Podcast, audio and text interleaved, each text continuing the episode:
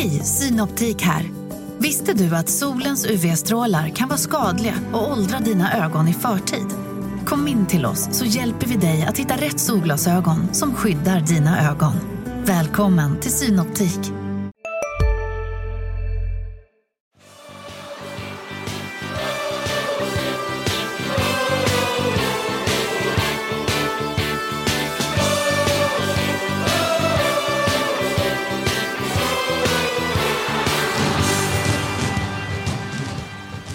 Amir Jakirlic, analytiker i Landskrona Boys. Välkommen till Landskrona Boys-podden.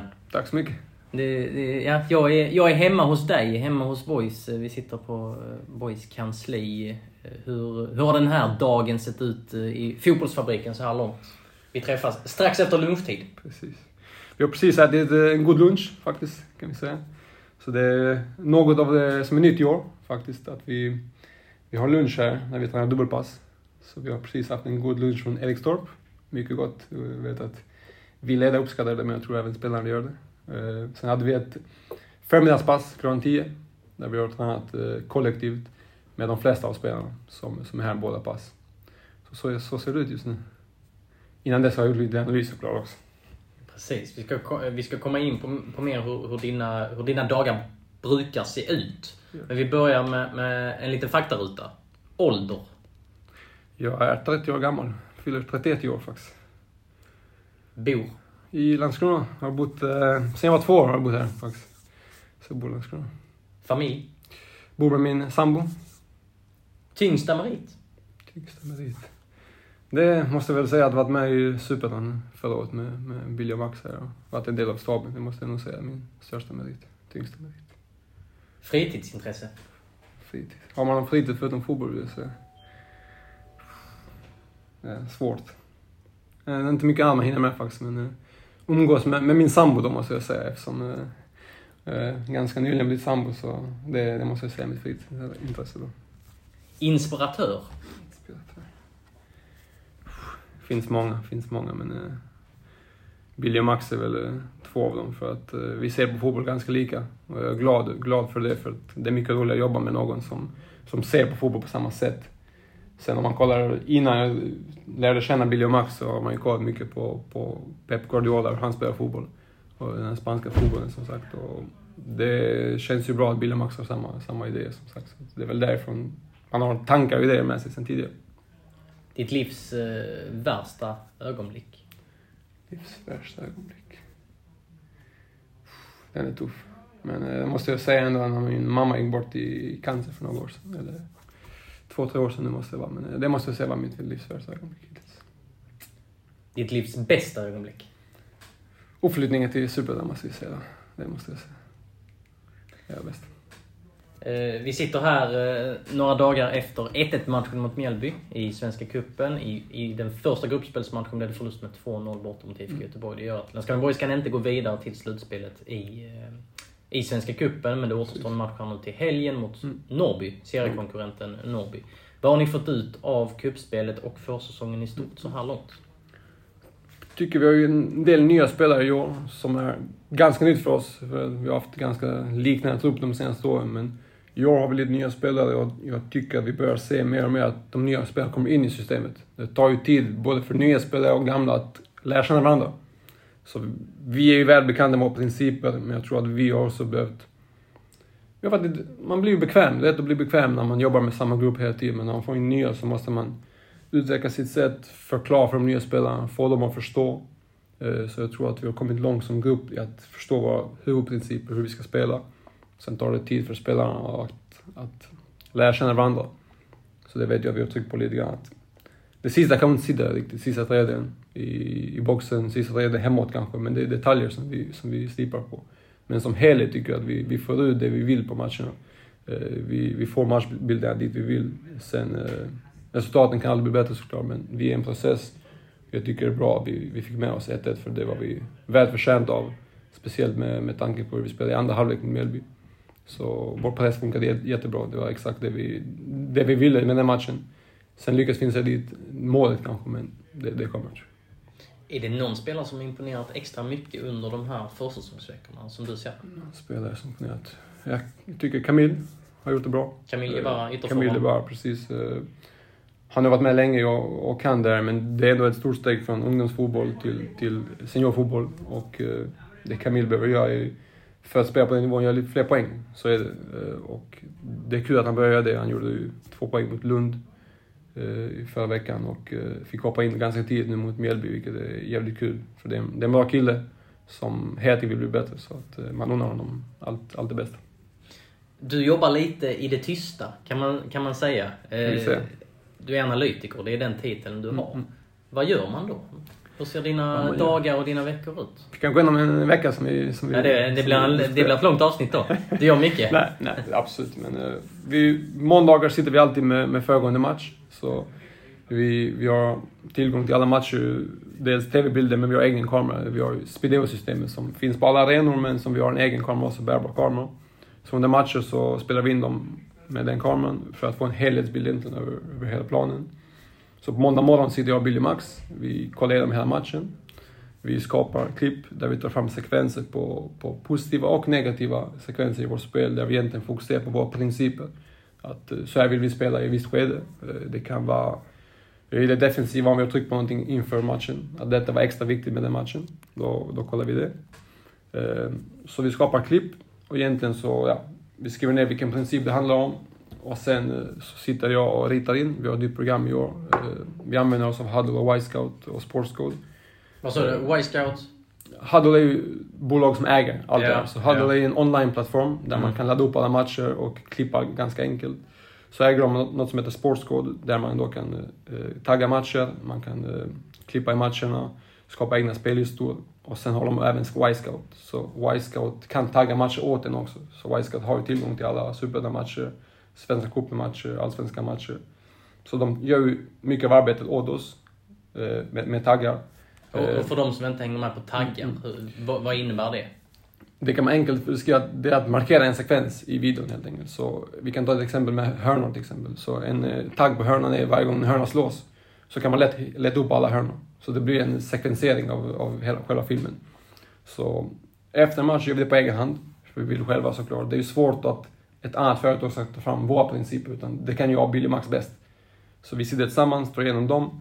Och så har vi Your, eh, ett nytt verktyg som, som också är från Hallå företagets Studio. Där vi då kan rita in eh, och rita i klippen. Vi kan följa spelare med, med ringar och så vidare. Så att det blir lite tydligare för spelarna att det här vill vi i det här klippet. Så vi kan stoppa klippet till exempel, rita in eller flytta spelare. Här borde du varit istället. Det här är en bättre position. Eller i försvarsspelet att kolla här, vi bildar ett övertag, tre mot två. Så att vi försöker ta fram klipp som visar både positivt och negativt för att förstärka för spelarna att det här gör vi bra, det här vill vi göra bättre. Så på måndagen handlar det egentligen om att se matchen, ta fram klipp, eh, jag redigerar klippen och gör dem klara till eh, innan träningen. Vi har ju samling 14.30. Så innan träningen har vi en videoomgång på 30-40 minuter. Vi går igenom klippen som sen delas med spelarna också, så de kan se dem i efterhand. via De kan se det liksom hemma i sin egen soffa om de De kan se det i sin telefon, sin iPad, sin dator, sin TV, all, allt möjligt. Och där är en fördel tror jag med det här nya programmet att vi kan rita in så att de kan se vad vi menar. Eh, vi brukar få fram 25-30 klipp och ibland kan det vara svårt att förstå vad vi menar.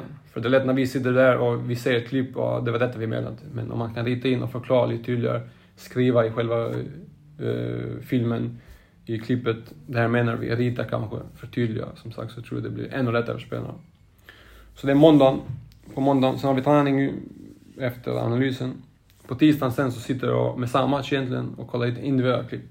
Så det kan vara spelare som kommer fram och säger jag vill se en viss situation som jag var med i, jag vill se mina tacklingar, jag vill se mina, eh, mina passningar, jag vill se min positionering och så vidare. Så då tar vi fram Eh, under Superettan så har vi ju tillgång till typ Dwyscale data eftersom de taggar matchen. Då är det lite snabbare för mig. Då kan jag ta fram alla eh, Nikola Ladans aktioner till exempel. Trycker jag på hans namn så kommer alla hans aktioner upp. Varje gång han har varit med i ett spel, rör bollen, så är han med.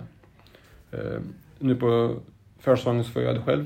Då kollar vi matchen och medan vi kollar på matchen måndagar så taggar jag ju de individuella klippen också. Och så tar vi fram klipp och främst nu har det varit de nya spelarna i början. Att få dem att förstå vad deras roll är. Vad ska de göra i anfallsspelet? Vad ska de göra i försvarsspelet? Eh, det är lätt att förklara för med ord, det är lätt att göra det på träning. Men det är bra att se det, se det med egna ögon. Eh, så inför säsongen fick de klipp på andra spelare. Och det är en bra grej. Vi har ju klipp för varje position egentligen, som jag har skapat. Som vi använder till akademin också. Eftersom akademin ser på samma sätt så har vi ju klipp till hela akademin. Så här vill vi göra kollektivt, så här vill vi göra individuellt. Men eh, det är mycket roligare när spelarna får se sig själva såklart. Där har ni agerat. Så, att, så på tisdagen då sitter jag och gör de individuella klippen. Och så på eftermiddagen så träffar jag spelarna. Ibland sitter vi och kollar igenom dem tillsammans. Ibland kollar de det själva och så kommer de med frågor och så vidare. Så, att, så ser tisdagen ut. Så egentligen måndag och tisdag blir ju analys av föregående match. Eh, sen på onsdag och torsdag börjar jag analysera kommande motståndare. Och då tar jag fram de senaste matcherna eh, som motståndarna har spelat. Hur många matcher?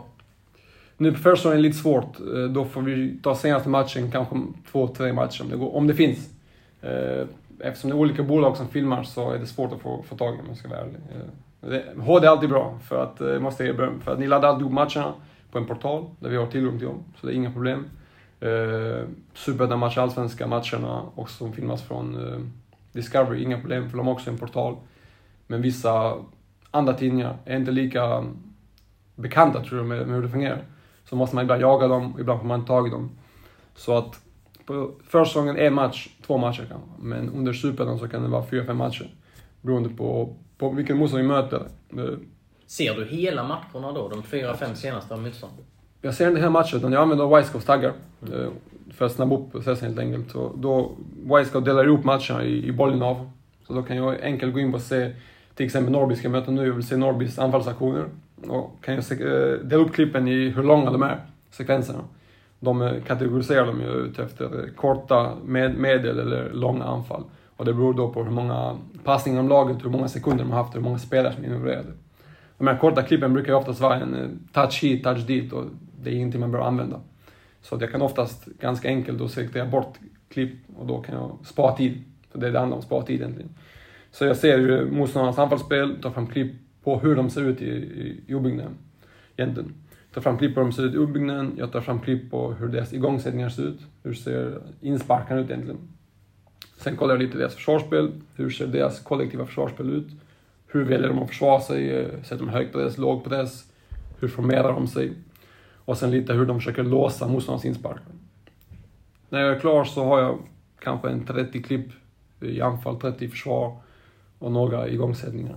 Ehm, Eh, sitter och selekterar dem, sorterar dem och sen sitter jag, Billy och Max onsdag eller torsdag. Onsdag eftermiddag eller torsdag förmiddag. Vi sitter tillsammans, då går vi igenom det här klippet som jag har valt ut. Presenterar då för dem att så här tror jag motståndaren kommer göra. För att man ska aldrig säga så här kommer de göra. Det finns lag som ändrar, anpassar sig efter motståndare, anpassar sig efter vilka spelare de har tillgängliga, anpassar sig efter underlag. Vi har ibland det också, att vi kollar vilket underlag de spelar. Eh, men i alla fall, vi försöker att få en bild av så här tror vi de kommer spela. Och så försöker vi lägga upp en matchplan. Så här vill vi göra mot, mot det här typen av motstånd. Eh, man har ju lärt sig nu efter att varit med ett år, så vet man ungefär vilka lag som spelar vilket system och hur vi agerar mot det här systemet. Så att våra principer är ju detsamma alltid, men vi gör vissa justeringar beroende på vad motståndaren gör såklart. För att se var finns det ytor för oss att spela, eller på vilket sätt vill vi försvara och så vidare. Vi tar fram klipp då, vi minskar klippen till ett tiotal klipp kanske i anfall, tio klipp i försvar. Och så med nya verktyg nu så kan jag rita in då, vad vill vi göra eh, mot det här typen av motstånd? För tidigare har vi kanske visat stillbilder, alltså taktiska bilder. Så här vill vi göra. Men själva klippet kan ju vara ett lag som inte spelar på samma sätt som vi gör. Och det kan vara ett problem, för då ser spelarna någonting som vi inte ska göra. Då kan jag med det här programmet rita in stillbilder där vi då flyttar spelare och säger det här vill vi göra när bollen spelas. Från midback till midback vill vi sätta press till exempel. Då kan vi rita in det. Så det, det tror jag är en, eh, en fördel i år. På torsdagen sitter vi då med spelarna också, så när vi är klara med det, den här analysen så sätter vi upp det till en eh, presentation. Att, eh, vem vi möter, vi sätter ihop då hur de gör och vad vi vill göra. För det viktigaste för oss är, detta vill vi göra. Eh, vi lägger inte jättemycket fokus på vad motståndaren gör eller deras styrkor och svagheter kanske, utan det här vill vi göra. Så att för oss är det viktigaste att veta hur tror vi motståndaren agerar? Vilka fördelar kommer det ge oss? Eh, vilka fördelar kommer det ge oss? Och så på torsdag presenterar vi det. Sen har vi oftast ett träningspass också på eftermiddagen där vi då försöker jobba med det. Så här ska vi göra mot detta typ av motstånd. Vi filmar träningen. Eh, vi har en portabel videokamera nu som vi kan filma med. Och så kan vi ta fram klipp från den träningen på fredagen sen. Så torsdag, fredag blir det mycket fokus på nästa match. Det här gör motståndarna, det här vill vi göra. Och sen på fredagen kan vi klippa ut lite klipp från, från träningen. Oftast vill vi försöka ta positiva klipp såklart, förstärka. Det här gjorde vi bra, där ska vi göra matchen sen. Eh, vi kan också lägga till klipp från tidigare matcher där vi gjort, mött liknande motstånd. Så här gjorde vi då, det här vill vi göra igen. Eller att vi lägger till där missade vi förra matchen, fan, där måste vi göra bättre nästa match. Alltså en liten reminder spela, där måste vi göra bättre. Så ungefär så blir det. Sen är det match på helgen och sen börjar allting om igen på måndagen. Så att man har kommit in i nu en bra tid tycker jag och jag tycker vi har fördelat arbetet bra med, med Bill och Max tycker jag. Så att det är jag nöjd, nöjd över. Hur ser din roll ut eh, på matcherna, under matcherna? Under matcherna, precis, har vi en roll där också som du säger. Så under matchernas gång så, när vi spelar i Superettan så har vi ju Speedeo på arenorna och då har vi... På Speedeo som då är den här kameran Precis. som filmar hela planen. Precis, så Speedeo är fasta kameror installerade på arenan som filmar hela plan. Där vi kan få en översiktsbild egentligen. Under matcherna så får vi ju livebilder också. Så den kameran är lite sen, den har 30-45 sekunders fördröjning. Den är så eftersom den måste få in bilden, eh, bearbeta den och så får man en bild eh, ner på bänken. Så jag sitter med på bänken, jag har bilderna, så ibland är det lättare för mig att se eftersom Billy och Max de sitter i markhöjd, det gör vi också, så det är svårt att se varje motståndare, om har de ändrat någonting, stämmer på matchplan. Så det första jag gör, jag försöker bekräfta att matchplanen stämmer. Eh, jag ser över deras formation. Jag får ju bra bilder på, på, på iPaden då, jag ser över den. Och sen gäller det att ta bilder på, på vad de gör och vad vi gör. Vi försöker spara bilder. Eh, vad gör vi bra? Vad är vi mindre bra? Var tror jag att vi kan hota dem mer kanske? Vad kan vi mer göra? Eh, vad måste vi se upp med? Och sen i pausen, lite stress, för där, där ska man då visa lite bilder till Billy Max. Man måste sortera ner antalet bilder, man kan inte ha hur många som helst. Och så brukar vi ofta visa till spelarna, vi brukar visa spelarna två, tre exempel. Att det här gör vi bra, eller det här måste vi utnyttja, eller det här måste vi se upp med. Så det beror på vad matchen, hur matchen ser ut, hur det har gått. Och så försöker vi såklart så fort som möjligt bekräfta att vår matchplan stämmer eller vi måste ändra någonting. Eh, och, samma gäller andra halvlek, vi har lag som kan, kan komma ut och ändra. Eh, minns Gais förra året kom ut i en 3-5-2 med minst första halvlek, sen var det 4-4-2 andra halvlek. Matchen här på IP? Precis, precis. Så det gäller att snabbt ställa om då, att de har bytt formation, vad, vad måste vi göra nu? Har vi några justeringar vi ska göra och så vidare. Så det är min, som är min uppgift under matchens gång. Och jag vill gärna sitta i bänken, det vet jag att Billy Max också vill, det vet att vissa sitter på läktaren. Problemet då är att man måste ha en kontakt eh, ner på bänken. Eh, och för oss är det gans, ganska enkel väg att jag sitter bredvid Max, jag berättar för Max, han tar en Billy. Om det inte är någonting akut så vi måste säga det är Billy direkt, men annars är det jag, jag och Max som diskuterar och, och Cosmo är målvakten såklart. Det kan också vara att han vill säga någonting. Någon hörna som målvakten kanske inte är med på, står för långt ut och så vidare. Så att eh, det kan vara någon sekvens Billy vill se, Max vill se, spår tillbaks och så vidare. Sen har vi haft någon incident med domaren också där vi har spårat tillbaks. Men eh, det behöver vi inte ha. Eh, det, där, där får vi ändå stanna. För, för jag sa ju innan att du jobbar i det tysta, men där, där ja. syntes du ja, i ja. den där, eller under den där majdagen om jag inte minns fel, mot, mot Örgryte hemma. Stämmer, där stämmer, Robin Hofse blev, blev utvisad och det blev ju en snackis i hela fotbollssverige. Ja, um, hur upplevde du För du, du blev ju också uh, utvisad. Du fick inte sitta kvar på bänken efter, uh, efter en reaktion från din sida. Hur, hur upplevde du, du det? För jag, det pratas ju fortfarande om det där röda kortet så här nio månader senare. Ja. Men ska man ärlig så såg jag inte det var rött kort därför jag gick av första. Så att, uh, jag trodde aldrig det skulle bli ett rött kort men... ja, för du stannade kvar? Jag stannade kvar. Jag satte mm. mig igen. Så att, så det var ju dåligt av mig såklart att jag inte lämnade. Och jag förstår som sagt domare, de, de gör sitt jobb, de gör fel de också, de är människor. Men eh, problemet när vi har den här kameran som vi ser, så den är lite fördröjd så att vi ser inte vad som händer direkt. Man ser det live och sen spolar jag tillbaka och ser reprisen. För oftast vill vi se, var det någonting, var det inte? Och när jag spolar tillbaka och ser att den här spelaren till upp utan att Hofsa egentligen gjort någonting. Så då, då, då ser jag svart helt enkelt, tyvärr. Inget, inget smart dag kanske, men tyvärr blir det så ibland och det är synd att domaren inte har tillgång till detta. Det är det egentligen vi har varit lite besvikna över ibland kan vara. Att vi har tillgång men inte domarna. Det, varför har de inte det? Jag vet att det är, det är inte VAR, det är inte dit vi har kommit än och VAR är ett annat system. Men här hade man ganska enkelt kunnat bekräfta vissa grejer som, som man är osäker på. Uh, vi hade väl någon situation även uh, ÖIS borta tror jag Uh, När ni fick där, två spelare utvisade? Precis, där kan man mer tveksam. Sådana tveksamma situationer kan jag köpa, men jag menar, om man visar ut fel spelare exempelvis, eller det blir en session där det blir en konfrontation eller någonting. Då hade man kunnat använda de bilderna enkelt för att Spideo är, är till för att serva lagen. Varför skulle inte domaren kunna ta hjälp av det egentligen?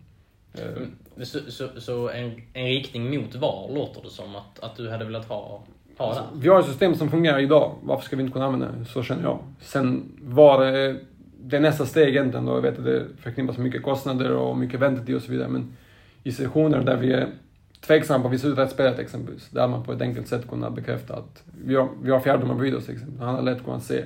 Han hade kunnat se på, på exakt och det ni ser. Exakt, exakt. Att det här, fan, det här har gjort verkligen fel. För att det blev ju fel och det erkänner de i efterhand ju. Och det är ju egentligen tråkigast för spelaren egentligen. Menar, Robin Hoffsö det fallet var ju inte, var ju inte glad. Vilket jag förstår, han fick ju missa två matcher på grund av detta. För att egentligen bara befunnit sig på fotbollsplan. Så att det är tråkigt och jag vet att vi har fått många tillsägelser av domarna och det är lite svårt för vi sitter med, med den här iPaden, vi ser lika väl som vi ser taktiska detaljer ser vi de här detaljerna ibland och då vill man påpeka men det får vi inte och det tycker jag är dumt för att lika väl som jag sitter där skulle fjärdedomaren kunna sitta där och egentligen hjälpa sina kollegor. Och kan tekniken utvecklas mer, vilket jag tror, så att vi kan kunnat få ner den här eh, bearbetningstiden på kameran. Och då att domarna kan få samma live-feed. För jag menar, fjärdedomarna är ju till för att hjälpa domarna. De har headset och allting. Varför ska de inte kunna utnyttja det här systemet? Eller om de har en matchdelegat som de har, eller domarcoach på läktaren. Han skulle kunna sitta med en, med en iPad. Så jag tror att VAR kanske är ett för stort steg just nu för svensk fotboll, men varför inte använda det som redan finns till att hjälpa varandra? För att det hade bara blivit lättare. Sen ska man ju inte använda det alltså, för ofta, för då kanske man får problem. Men med situationer som är osäkra. Det finns väl eh, några matcher i Superettan, vad jag minns förra som, som var lite eh, tveksamma. Någon utvisning, var det rätt person? Eh, eller sådana här detaljer, så kan vi spå tillbaka sig egentligen. Har ni på, påpekat det här för förbundet och domarkåren? Inte vad jag vet faktiskt, inte vad jag vet.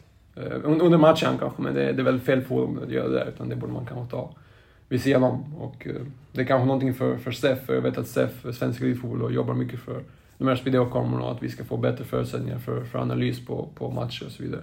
Så det är kanske någonting man ska ta upp med, med dem faktiskt, att domarna skulle få tillgång. Eh, för det kan vara en sån grej, det kan vara, om man tänker efter så, vi analyserar matcher i efterhand. Vilken video får domarna? De får kanske tv-bilder. Och där ser man inte jättemycket. TV-bilder är fantastiska för tv-tittare. Men för domarna så kanske första steget är att de får videobilder till sig efter matchen. Det kan vara första steget, jag vet inte. Så kanske de också, för att jag tror att domarna, precis som vi, vill också bli bättre. Det är deras eh, jobb, deras eh, karriär. De är lika intresserade av fotboll som vi, vi är, tror jag och hoppas jag. Så att det har varit fantastiskt för dem. Det finns många, många domare som frågar efter de här videorna på försäsongen. Men under säsong så, så har jag faktiskt ingen aning vad de, vad de får för filmer efter match. Så det hade kanske varit ett första steg.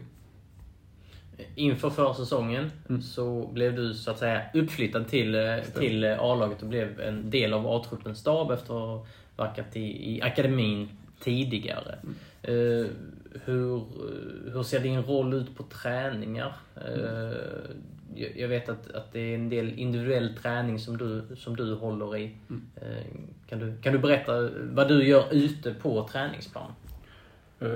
Så inför förra precis som du säger, blev jag oflödig då. Från, jag har tidigare varit i akademin, tränat på akademin. Jag har varit allt från 13 till, till 19 som tränare. Så jag har den bakgrunden och jag har den utbildningen för, för att vara, vara tränare. Så att när den här möjligheten dök upp så kunde man inte tacka nej såklart. För att lika väl som jag är intresserad av fotboll så är jag också intresserad av att analysera mycket. Så jag tror att rollen passar mig perfekt. Eh, på träningar försöker jag hjälpa Billy Max bistå. Ibland kan det vara att jag hjälper med en övning. Ibland kan det vara att jag bara är bredvid och stöttar och ger feedback till spelare. Men eh, ofta kan det också vara, precis som du säger, att individuella biten. Eh, det kan vara avslutsträning med forwards. Så ibland har vi ett antal spelare över för vissa övningar som är då perfekta att träna individuellt. Så det kan vara avslut, det kan vara försvar, det kan vara mittfältare, vad ska vi med honom? Och när vi då tänker hur ska vi göra individuell träning så vill vi likna det till positionen så mycket som möjligt. Har vi en forward, ja vad gör en forward mycket? Han avslöjar mycket såklart. Då kollar vi till exempel Y-scout-data eller video. Hur kommer vi till avslut? Hur gör vi våra mål? Och är det de här lägena vi vill komma till? Så då försöker jag efterlikna situationerna från match till träning. Har vi en mittfältare så vad är det han ofta gör och befinner sig i den positionen, söker de här typen av passningarna. Försöker hitta det som sagt. Så försöker anpassa talangen och hjälpa dem. Så att det är det jag försöker bistå med och vi försöker utveckla nu också att få live feed på, på talanger som sagt. När vi tar in på arenan så har vi Spideo, där vi då direkt kan ha video. Då kan vi återkoppla med spelarna. Så det kommer vara lite nytt i år att jag kan gå fram till spelaren med en iPad och visar. Så här kunde vi gjort istället. Under träningens gång? Under träningens gång, precis. Vi har tidigare gjort det bara efter träningens gång eftersom vi inte haft tillgång till de här kamerorna. Nu har vi det och jag tror det kan vara en fördel ibland att visa. Jag märker på, på de nya spelarna framförallt ibland att det vi säger till dem kanske de inte riktigt hänger med för att vi använder en viss terminologi som kanske de inte använt i sin tidigare klubb. Uh, har du varit där i två, tre år så tror jag du lär dig att förstå vad, vad Billy vill säga, vad Max vill säga. Men är du ny så kanske du inte är van med de orden. Kan vi då visa ett enkelt klipp, vad är det vi menar? Aha, okej. Okay. Då kommer spelaren förstå det mycket snabbare. Och förhoppningsvis kan processen bli mycket kortare för att vara en ny spelare till att förstå systemet och, och agera och då göra poäng på, på matchen. Kan du nämna eh, några specifika spelare som är mest angelägna om att få se klipp på sig själva? Nikola Lada måste jag säga, måste vara den som är mest, mest angelägen. Nyförvärvet uh, från eh, Gais. En, en av två nyförvärv En av två, en av två. Uh, och han är väldigt, vill väldigt väl se, vill hela tiden veta och så här ska jag och det, det förstår jag. Han är ju ny i en ny position, i en svår position egentligen, mittfält. Även Adam har haft en del klipp som sagt. Adam Egnell som Adam också kommit från Gais. Exakt, exakt. Så det är de, och sen de unga spelarna såklart vill jättegärna veta. Alen Smajic, Camille Bara, de är ju vana för, vid det från akademin, men de vill också, också ha det. Men egentligen alla nya spelare, men jag har haft mycket med, med Edvin, eh, Edvin Dahlqvist, eh, Jesper har haft en del strid, Albin Linné. Men även äldre spelare, alltså de gamla spelarna, jätte, jätteväl. Viktor Wihlstrand har haft en del. Kan ibland mejla från jobbet och kommer någon advokatmejl och blir jag lite orolig med detta. Men jag skojar. Men Viktor mejlar då och ja, vill se lite exempel på vad han gjorde i försvarsspelet, bra, inte bra.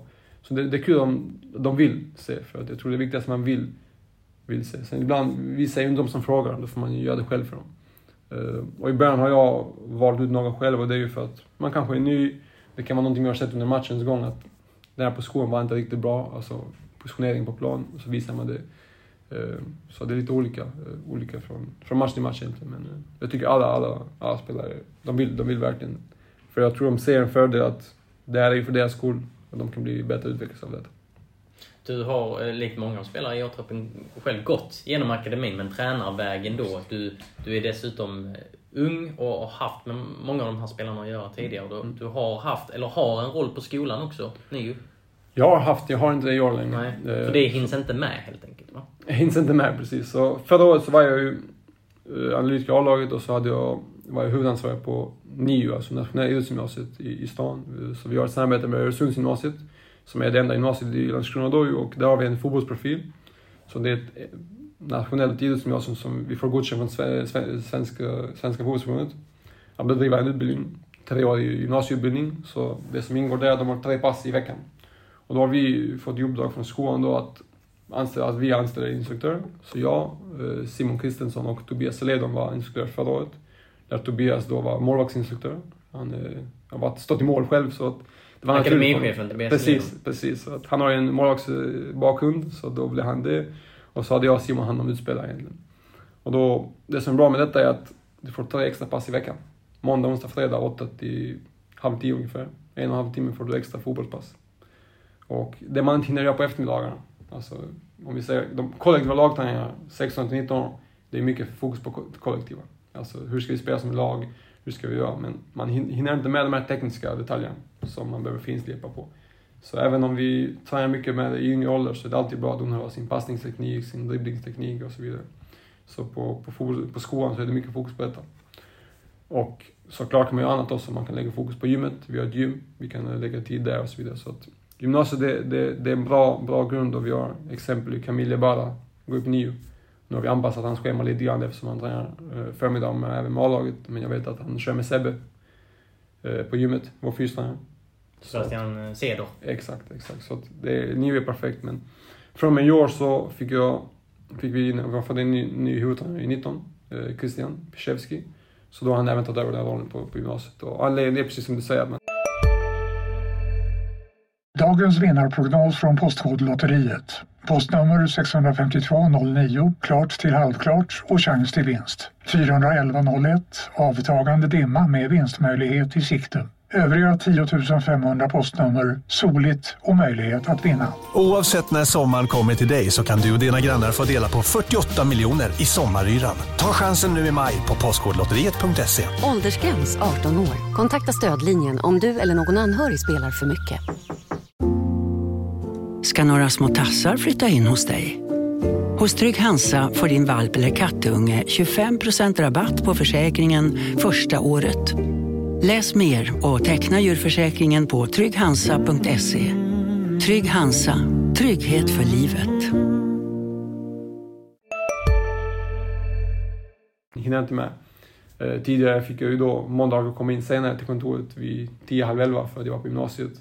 Och då fick William Maxi göra analysen på egen hand, vilket de är fullt kapabla att göra, det är inte det. Men är jag anställd som analytiker så vill jag gärna hjälpa till såklart, man vill vara med. Jag hade mindre tid till att analysera motståndare för att vissa dagar med träning såklart på morgonen. Så jag tycker upplägget nu är mycket bättre för mig. Eh, och jag är nöjd över det och glad såklart.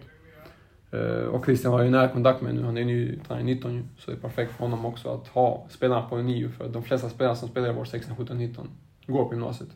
Inte alla, men en majoritet gör det. Så att, eh, det är en fördel och vi tror att ju mer träning man kan få, desto bättre och enklare är vägen till, till vårt A-lag. Eh, För att härleda till min, till min förra fråga. Mm. Är, är du eh, viktig för de unga spelarna som kommer upp till A-truppen? Fungerar du som någon form av brygga där? eh, Med tanke på också Mm. att du kollar på det individuella och har haft med dem att, göra tidigare. Det tror jag hoppas jag. Det, det är ju tanken att jag ska vara någon form av övergångstränare. Så jag ska ha lite koll på, på de unga spelarna. Som kommer upp till A-truppen eller som kommer från 19 tränare. Vi har en del spelare från U19 som kommer upp och tränar med A-laget. Som inte ingår i, i A-truppen eller som inte har kontrakt. Så utöver de här unga som William Ondrejka, Alen Smajic, Camille Bara. Om jag hoppas inte jag glömt någon. Hampus Pauli Hampus Pauli såklart, precis. Ja. Men eh, så finns det fler spelare som, som eh, spelar och tränar i U19. Som då kommer att träna och hjälpa dem såklart, det är också viktigt. Och att få ihop deras helhet. Så även de här som har kontrakt, Camille och eh, William, de, de går ju på nio. Och man måste ju få ihop ett helhet för dem. Det är ju inte alldeles lätt för, för ungdomar i det åldern att få ihop sitt schema, lösa det med skolan, prata med rektorn, eh, prata med koordinatorn på skolan. Hur ska vi göra? Så jag har gjort ett schema till gjort ett schema tillsammans med Sebastian Ceder då. När vill vi att de ska träna? När ska de vara lediga? Få ut schemat till dem. Stämma av med dem, hur går skolan? För att även om de vill bli fotbollsspelare allihopa så de måste klara skolan. Det är viktigt, det är en viktig del att ha med sig någon form av utbildning. Eh, om man blir skadad, om man slutar någon gång i framtiden som man kommer att göra. Så, att, så det är min uppgift att se till att följa upp de här spelarna. Eh, vi har även i år gjort en liten ny detalj. Jag försöker få fram lite klipp till de här nya spelarna. Så inte bara de unga spelarna som ingår i A-truppen. utan Se mot Lunds BK till exempel hade vi Jas Johansen med oss. Vi hade eh, Elliot Brandqvist. Så stämma av med dem i efterhand. Hur gick matchen? Gör lite klipp till dem. Förklara, så här vill vi göra i A-laget. Och fördelen är att akademin spelar på samma sätt. ju. Men det kan ändå vara bra att höra och repetera att så här vill vi göra. Tänk på detta. Ehm, och ja, stämma av i deras utbildning helt enkelt och hjälpa dem på vägen. Ge dem bra tips och råd förhoppningsvis. För ett par eh, veckor sedan blev du tokhyllad i den här eh, podden av Jakob Ondrejka eh, från IF Elfsborg som lämnade Landskrona Boys för några år sedan. Storbror till William Ondrejka för övrigt. Jag kan läsa upp ett citat som han sa. Eh, Han kan enligt mig ta över vilken svensk klubb han hade velat. Han hade gjort hur bra som helst som tränare också. Det är en världsmänniska och en världstränare, säger jag. Han kan så mycket fotboll för sin ålder. Det sa Jakob Andreka om dig och, och han sa mer än så eh, i det där poddavsnittet. Eh, har du lyssnat på hans ord? Det har jag, det har jag. Jakob han, eh, han skickade ju ett sms dagen innan och sa att jag måste lyssna på podden som, som kommer dagen efter. Och, och det gjorde jag. Jag blev väldigt rörd och, berörd av hans ord. Och, eh, det, Jakob är en fantastisk person, fantastisk människa. Som, som jag har tränat sedan jag var fem år egentligen. Så att, eh, jag fick nästan tårar, eller jag fick tårar när, när han sa det. Så att, eh, jag är väldigt tacksam och glad över det och eh, jag önskar honom all lycka. För att det är en fantastisk människa och fotbollsspelare. Hela hans familj är det egentligen. Jag har känt hans familj sen, ja, sen jag var fem år egentligen. Så att, eh, det känns som min extra familj måste jag säga. Och tack för, för allt de har gjort måste jag säga bara, helt enkelt. Så är det. Kan du, kan du utveckla hur, hur er relation ser ut? Ni, ni, ni träffades alltså när Jakob spelade som knatte som femåring i Precis. Landor. Beko Landor, precis. Beko Landor, där du var tränare tillsammans med Ja, Jakobs ja, pappa ja. om jag förstått rätt. Inte i början, inte i början, men sen blev det Kim. Så att, det Okej. började med att eh, jag blev tränare när jag var runt 18 års ålder. Måste det ha varit att jag fick en uh, bollsäck av någon i klubben Bekolan då och då. eh. Var det din klubb?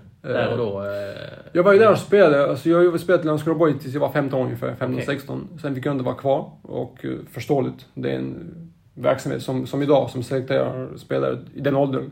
Baserat på hur bra man är. Och jag var ju inte den som var mest teknisk och den bäst fysiska spelaren. Jag var, hade en analysförmåga som jag har nu. Så jag fick, jag valde, fick lämna ju. Uh, vilket var helt rätt. Inget, uh, ingenting jag tänker på just nu. Men jag kommer alltid ihåg tränaren som sa då att du är bra, du har bra spelförståelse men du saknar allt andra. Och det har jag med mig än idag ju, så att jag är fortfarande tacksam över det för att fast jag fick lämna så fick jag med mig någonting som, som jag jobbar med idag ju. Så att eh, inga, inga hard feelings eller någonting. Så jag valde att spela i BK Andorra som egentligen är en klubb i division 5 tror jag. Som är på samma anläggning just nu. Så att det passade perfekt. Så jag spelade fotboll där i två, tre år kanske. Sen märkte jag att jag var inte så intresserad av det. Men då fick jag en, eh, någon i klubben där som gav mig en bollsäck och sa ta hand om de här knattarna.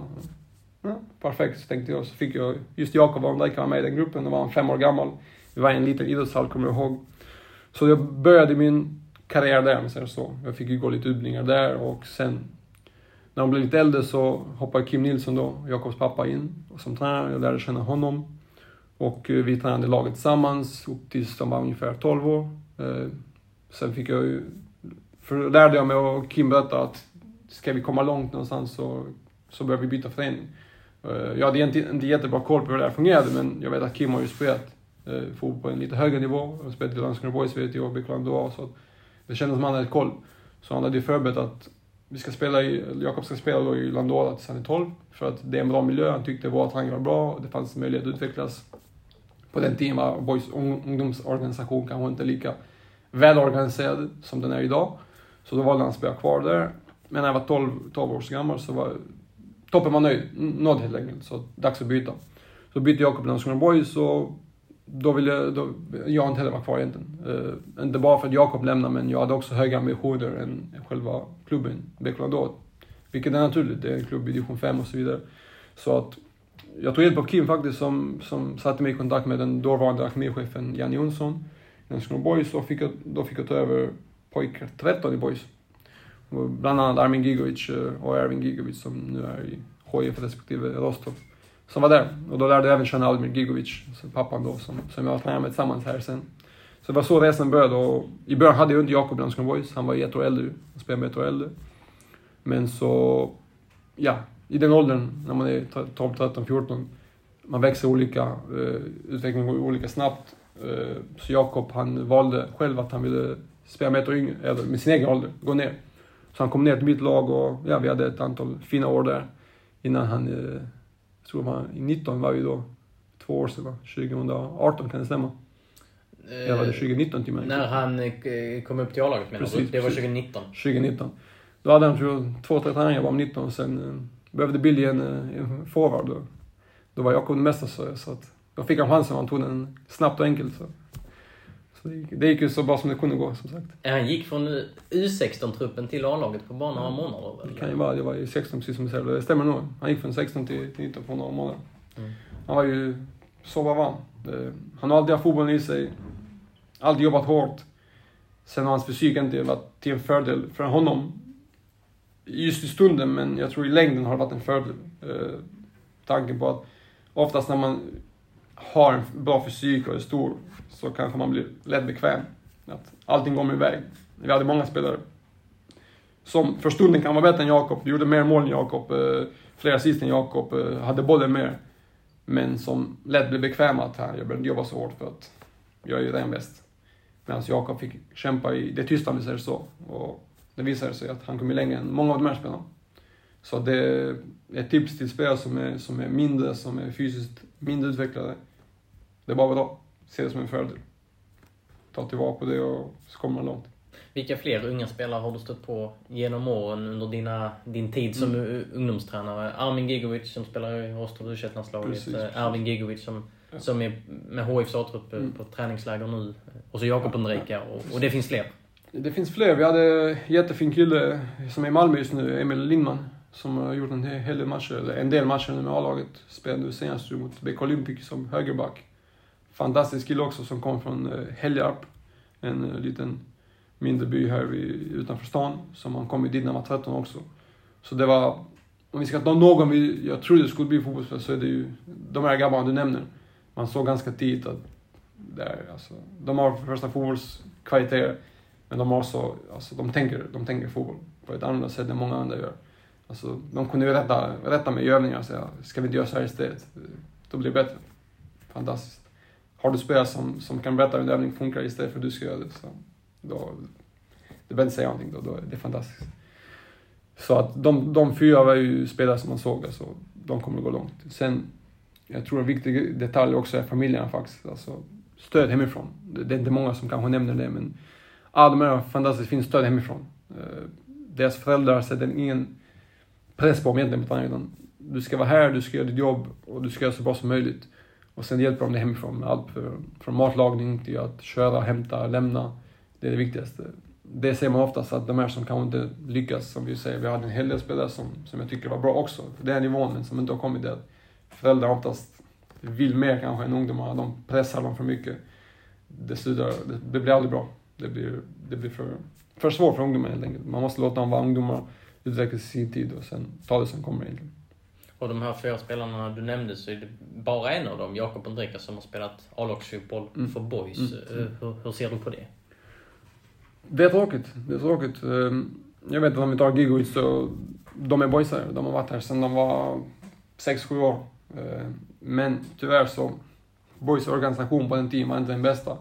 Vi saknade, vi hade luckor i vissa lag. Jag tror att vi saknade ett P17-lag när Armin till exempel var 16.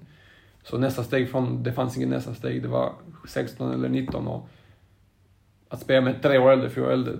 Absolut, det funkar, det ser vi på Allens match nu, men alla är inte alltid mogna för den i sin ålder. Så att, eh, det gick inte där och då och eh, det enda Armin egentligen ville och hans pappa eller familj var ju att det ska finnas en plan.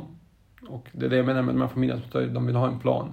Och Ondrejka, som du är, hade lite mer tålamod kanske och fick en plan när Tobias Ledon kom in som akademichef, då fick vi strukturerat upp akademin lite bättre. Och han blev kvar och hade tålamod och eh, det visade sig, som sagt, det resultatet. Sen den andra vägen är inte fel. Jag menar, Emil Lindman är i Malmö FF, gjort eh, matcher med A-laget. Det är ingen dålig miljö. Uh, Erwin och Armin har varit i HIF. Det är ingen dålig miljö. Så att man måste nog välja, alltså, välja sin egen väg. Sen är det tråkigt att de inte gjort matchen, men jag hoppas att de kan komma tillbaka och göra matcher. För att så fort de är hemma i Sverige, då med Armin till exempel, eller de är lediga så är de här och tränar. Så att jag har haft uh, både Armin och Erwin och Jakob och träning här. Emil Lindman bor tyvärr i Malmö så att han har inte varit här än. Men jag har träffat honom någon gång såklart efter det och haft lite kontakt med honom. Är du på dem att uh, du någon dag vill se dem i boys, uh, boys-tröjan? Nej, inte så mycket egentligen. Det är grabbar som jag tycker om allihopa och de ska göra sina egna val. Man ska inte försöka pressa, stressa dem till något. Men de vet att eh, vi alla är boysar tror så att eh, förhoppningsvis så vill de och förhoppningsvis så öppnar det sig möjligheten att de kommer hit någon gång som sagt. Sen är det lite extra känsligt kanske med, med Gigovic som, som är i Helsingborg då, så man ska inte lägga den pressen. Men de, de, de älskar staden, det vet jag, de bor kvar. Eh, eller Erwin bor kvar då, familjen. Och förhoppningsvis kommer det en möjlighet i framtiden att de kan komma hit och det hoppas vi för det har varit kul att se dem på, på IP. Eh, sett, eh, om, man, om man kikar på, på A-truppen i år, så är det en lägre snittålder eh, i år jämfört med förra året. Är det viktigt? Det är inget så specifikt jag kollar på, så medvetet, men det är klart att har vi möjlighet att värva unga spelare som har framtiden för sig och som vi ser potential i så är det en fördel såklart. Sen tror jag inte vi kollar, eller det vet jag att vi inte gör, en viss ålder, men vi jämför spelarna och kan vi hitta en yngre spelare som är minst lika bra så såklart väljer vi den spelaren tror jag från äldre för att den här spelaren har förhoppningsvis en potential att lyckas också. Och kollar vi spelarna vi har lyckats med som bäst så är det ju yngre spelare som kommer från, från lägre nivå så att jag tror att det är viktigt att ha med sig att vår miljö kanske passar bättre för spelare som, som är i den åldern. Eh, kanske inte medvetet men det är inte så enkelt att vara i en miljö där man hela tiden vill utvecklas, där man vill jobba med, med sina principer, utveckla dem, bli bättre. Det, det kräver mycket av spelarna. Det kräver mycket mentalt, mycket fysiskt med, med hur vi ska löpa och mycket som sagt taktiskt. Och man måste vara i, i ett skede i sitt liv där man vill, är beredd att lägga ner den här tiden för att det är inte bara team på träning. Utan ska vi kolla klipp efter? Ska vi kolla klipp innan? Ska vi jobba extra? Ska vi träna extra? Eh, det krävs mycket och jag tror att alla spelare är inte villiga att göra det som sagt och alla behöver inte göra det såklart. Man väljer sin och jag tror för oss har det här med yngre spel funkat bra och då ser vi såklart varför, ingen anledning till att inte fortsätta. Och förhoppningsvis får vi fler spelare som, som kan gå vidare till större och bättre föreningar såklart. Ja, för på tal om det. Jakob Ondrejka, mm. Eh, Patrick Wadike, Filip Olsson, Kenny Jensen, Andreas Murbeck. Det är exempel på spelare som nu, som nu tillhör allsvenska klubbar som någon gång har huserat i, i Boys akademi. Eh, vad säger du om den trenden som vi ändå får säga att, mm. att det är just nu? För detta är som sagt aktuella exempel. Det är, det är positivt såklart att vi, vi lyckas få fram de här spelarna. Det är ju det som är tanken med vår akademi. Sen vill vi såklart ha spelarna i, i vår seniortrupp så länge som möjligt. Och, och vi vill avancera i CSU-systemet kanske och komma på en högre nivå. Men vi, vi tar det sakta men säkert. För något år, något år sedan, bara två år sedan, var vi i division 1. Så att vi har tagit små steg hela tiden och vår akademi tar steg. Vårt eh, 19-årslag spelar i Superettan detta året också. Vilket är en fördel jämfört med division 1 som vi spelat i tidigare. Så att små steg och jag tror att, som du säger, tar de här exemplen så det, det är positivt för oss. Och sättet vi jobbar gör att vi kan få fram de här spelarna tror jag. Eh, I akademin, i A-truppen, vi har ett sätt att spela som vi tror utvecklar spelaren. Eh, det är kanske inte alltid resultat, men över tid så tror vi kommer ge mer resultat. Eh, jag minns alltid när jag pratade med de här spelarna att vi vann inte jättemycket matcher på ungdomsnivån alltid. Vi förlorade stort ibland. Jakob var ju kanske en av dem som det är surast. Han hatar att förlora, Jakob. Men över tid så, så ger vi spelarna så mycket verktyg att de ska kunna spela på ett annat sätt. Eh, det tror jag är en fördel gentemot andra akademier som kanske låser sig vid ett visst sätt att spela. Så här ska vi göra. Och det funkar där och då i klubben, om man gör ett resultat. Men så kommer man till en annan klubb och så förstår man ingenting i princip. Eh, uh, ja, Gigovic-bröderna har inga problem med att acklimatisera sig i HIF, Lindman i MFF. För vi försöker ha en bred, bred utbildning med, med många verktyg. Jag tror det, det är en fördel och eh, det är samma med A-truppen. Om vi ser Murbeck spelade det väl en begränsad fotboll om vi får kalla det så i Ljungskile. Men hade med sig sen tidigare i akademin i Boys tidigare år. Fick med sig här från Boys. Han var ju väldigt duktig på försvar när han kom. Det är han fortfarande. Men utvecklas i offensiva spel. Det tror jag han själv kan instämma Hoppas jag. Eh, för det märker man skillnad, det märkte vi skillnad i. Och nu är han i Allsvenskan, så fantastiskt.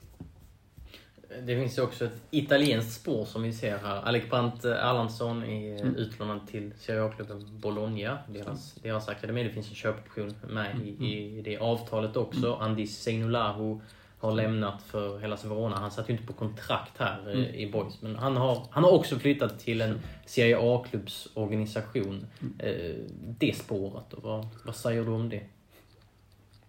Det är kul för de här grabbarna för att de fick ju chansen att prova. Eh, vi har haft lite samarbete med att vi, lite utbyte med att spelare fick åka ner till Italien. Och det är ju ett sätt såklart att göra mer, hur ska jag säga, göra, göra vår akademi mer attraktiv. Jag menar, vi levererar spelare från akademin till, till superettan-trupp, i vår egen trupp, till allsvenska lag, till utlandet. Det, vi vill få upp ögonen för, för unga duktiga spelare egentligen, att se att i Landskrona Boys finns det en möjlighet att tidigt spela seniorfotboll, eller tidigt få en chans i Italien till exempel, om vi fortsätter med det, det samarbetet såklart. Eller att vi snabbt kommer till A-truppen och sen går vidare till, till en allsvensk klubb. Och jag tror det är en del av det att visa spelarna för att Andy var ju här ett antal år, ett, ett och ett halvt kanske. Men han kommer från Staffanstorp ju. Eh, vilken klubb kan jag tyvärr inte säga exakt, men han bor i Staffanstorp, bodde i Staffanstorp och kom in via vår gymnasieskola, så en ny nationellt idrottsprogram. Så det är viktigt det att vi kan locka spelare hit att gå på vårt gymnasium, spela på vår akademi, få en bra utbildning och förhoppningsvis sen ta steget. Sen är det upp till spelarna att välja. Ska vi vara här, jag truppen, eller utlandet är bättre, ett bättre steg för mig.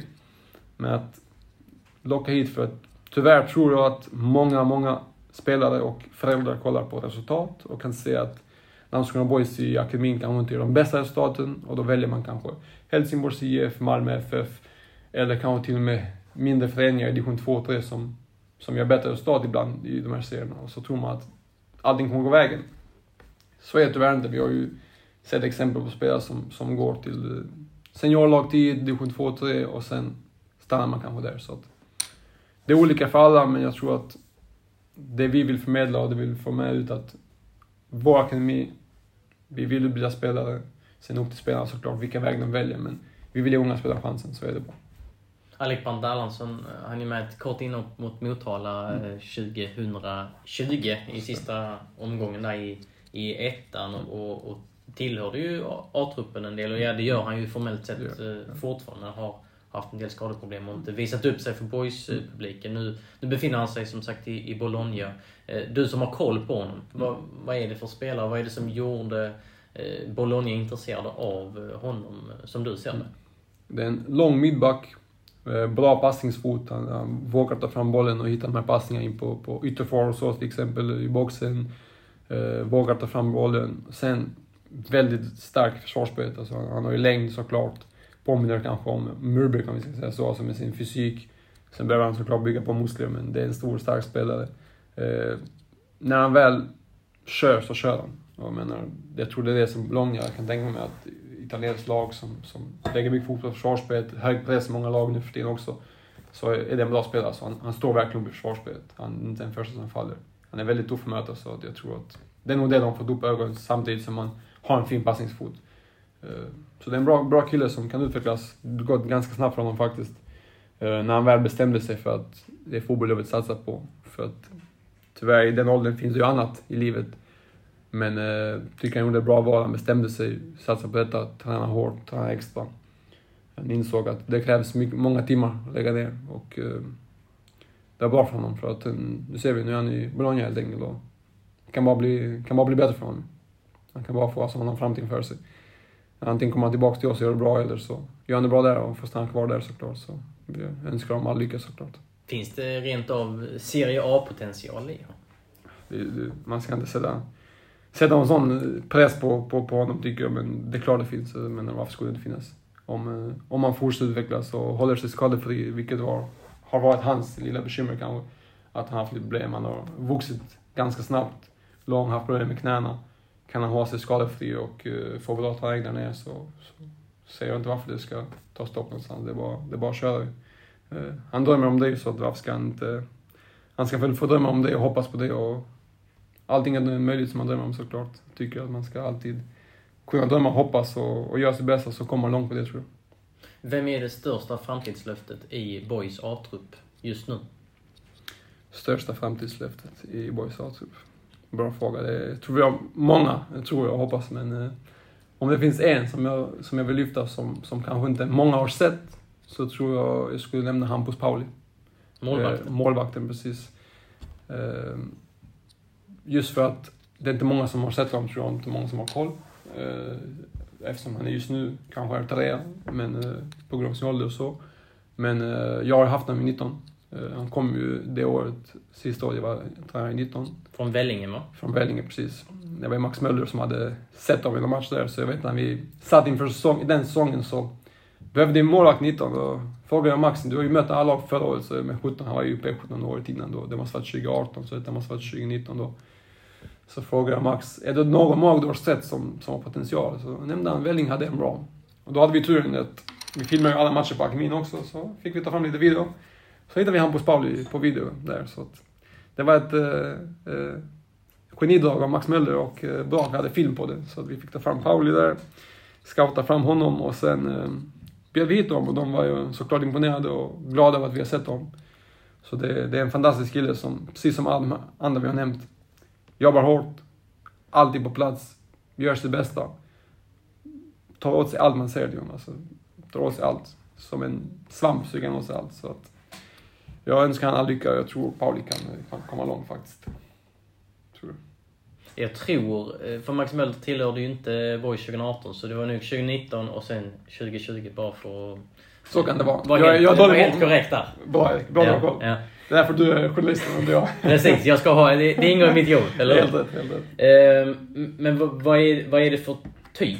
När man ser eh, Hampus Pauli spela, vad, vad, är det, vad är det för typ av målvakt? Är, är han lik exempelvis Amon Kadura som Boys har kört på i, i A-laget i flera Mm. år som, är, som känns som en offensiv målvakt, skicklig med fötterna och så vidare? Ja, det tycker jag. Han är väldigt offensiv. Men det jag skulle beskriva Hampus med mest är att han är totalt orädd.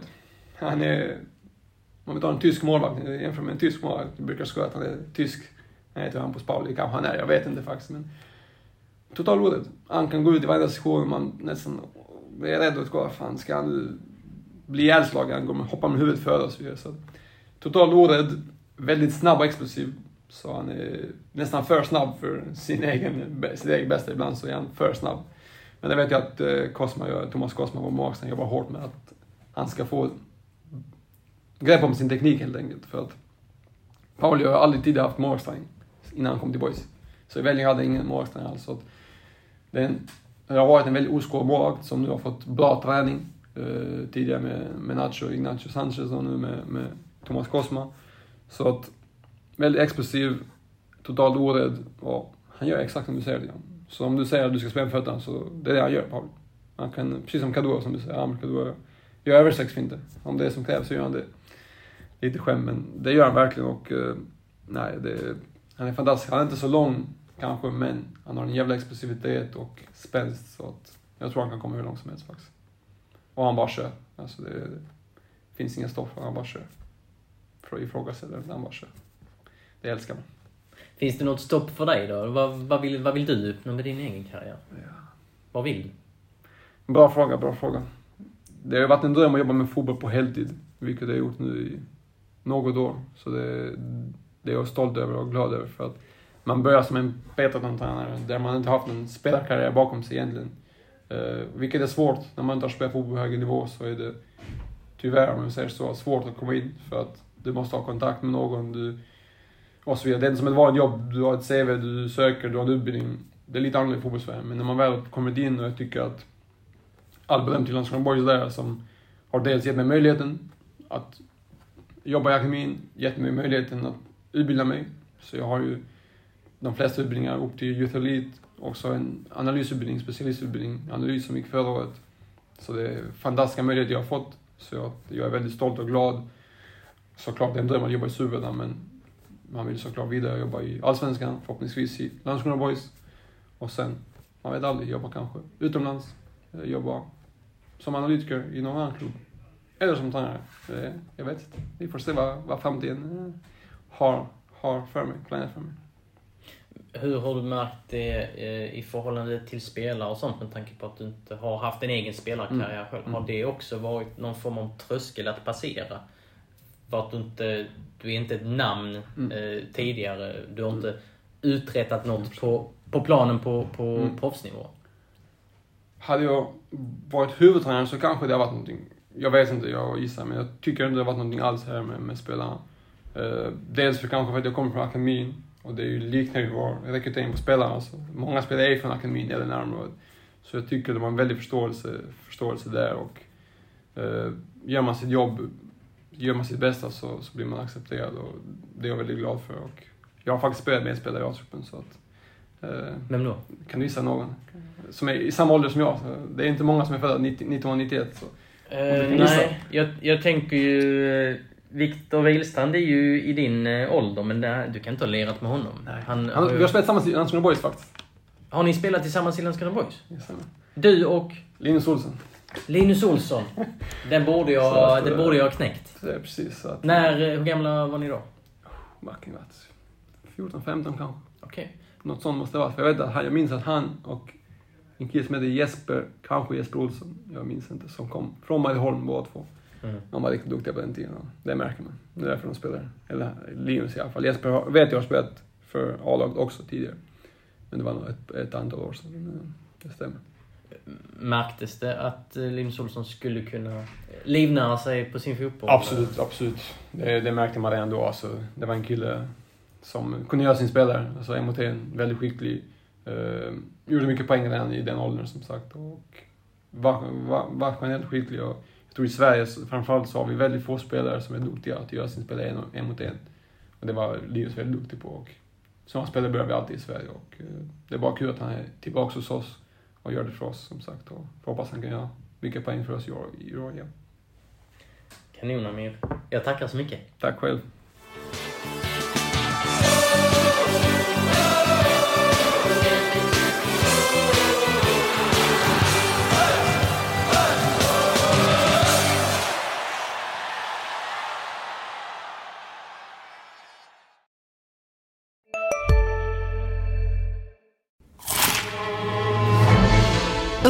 Upptäck det vackra ljudet av McCrispy Company för endast 89 kronor. En riktigt krispig upplevelse. För ett ännu godare McDonalds. Just nu till alla hemmafixare som gillar Julas låga priser. Ett borr och bitset i 70 delar för snurriga 249 kronor. Inget kan stoppa dig nu.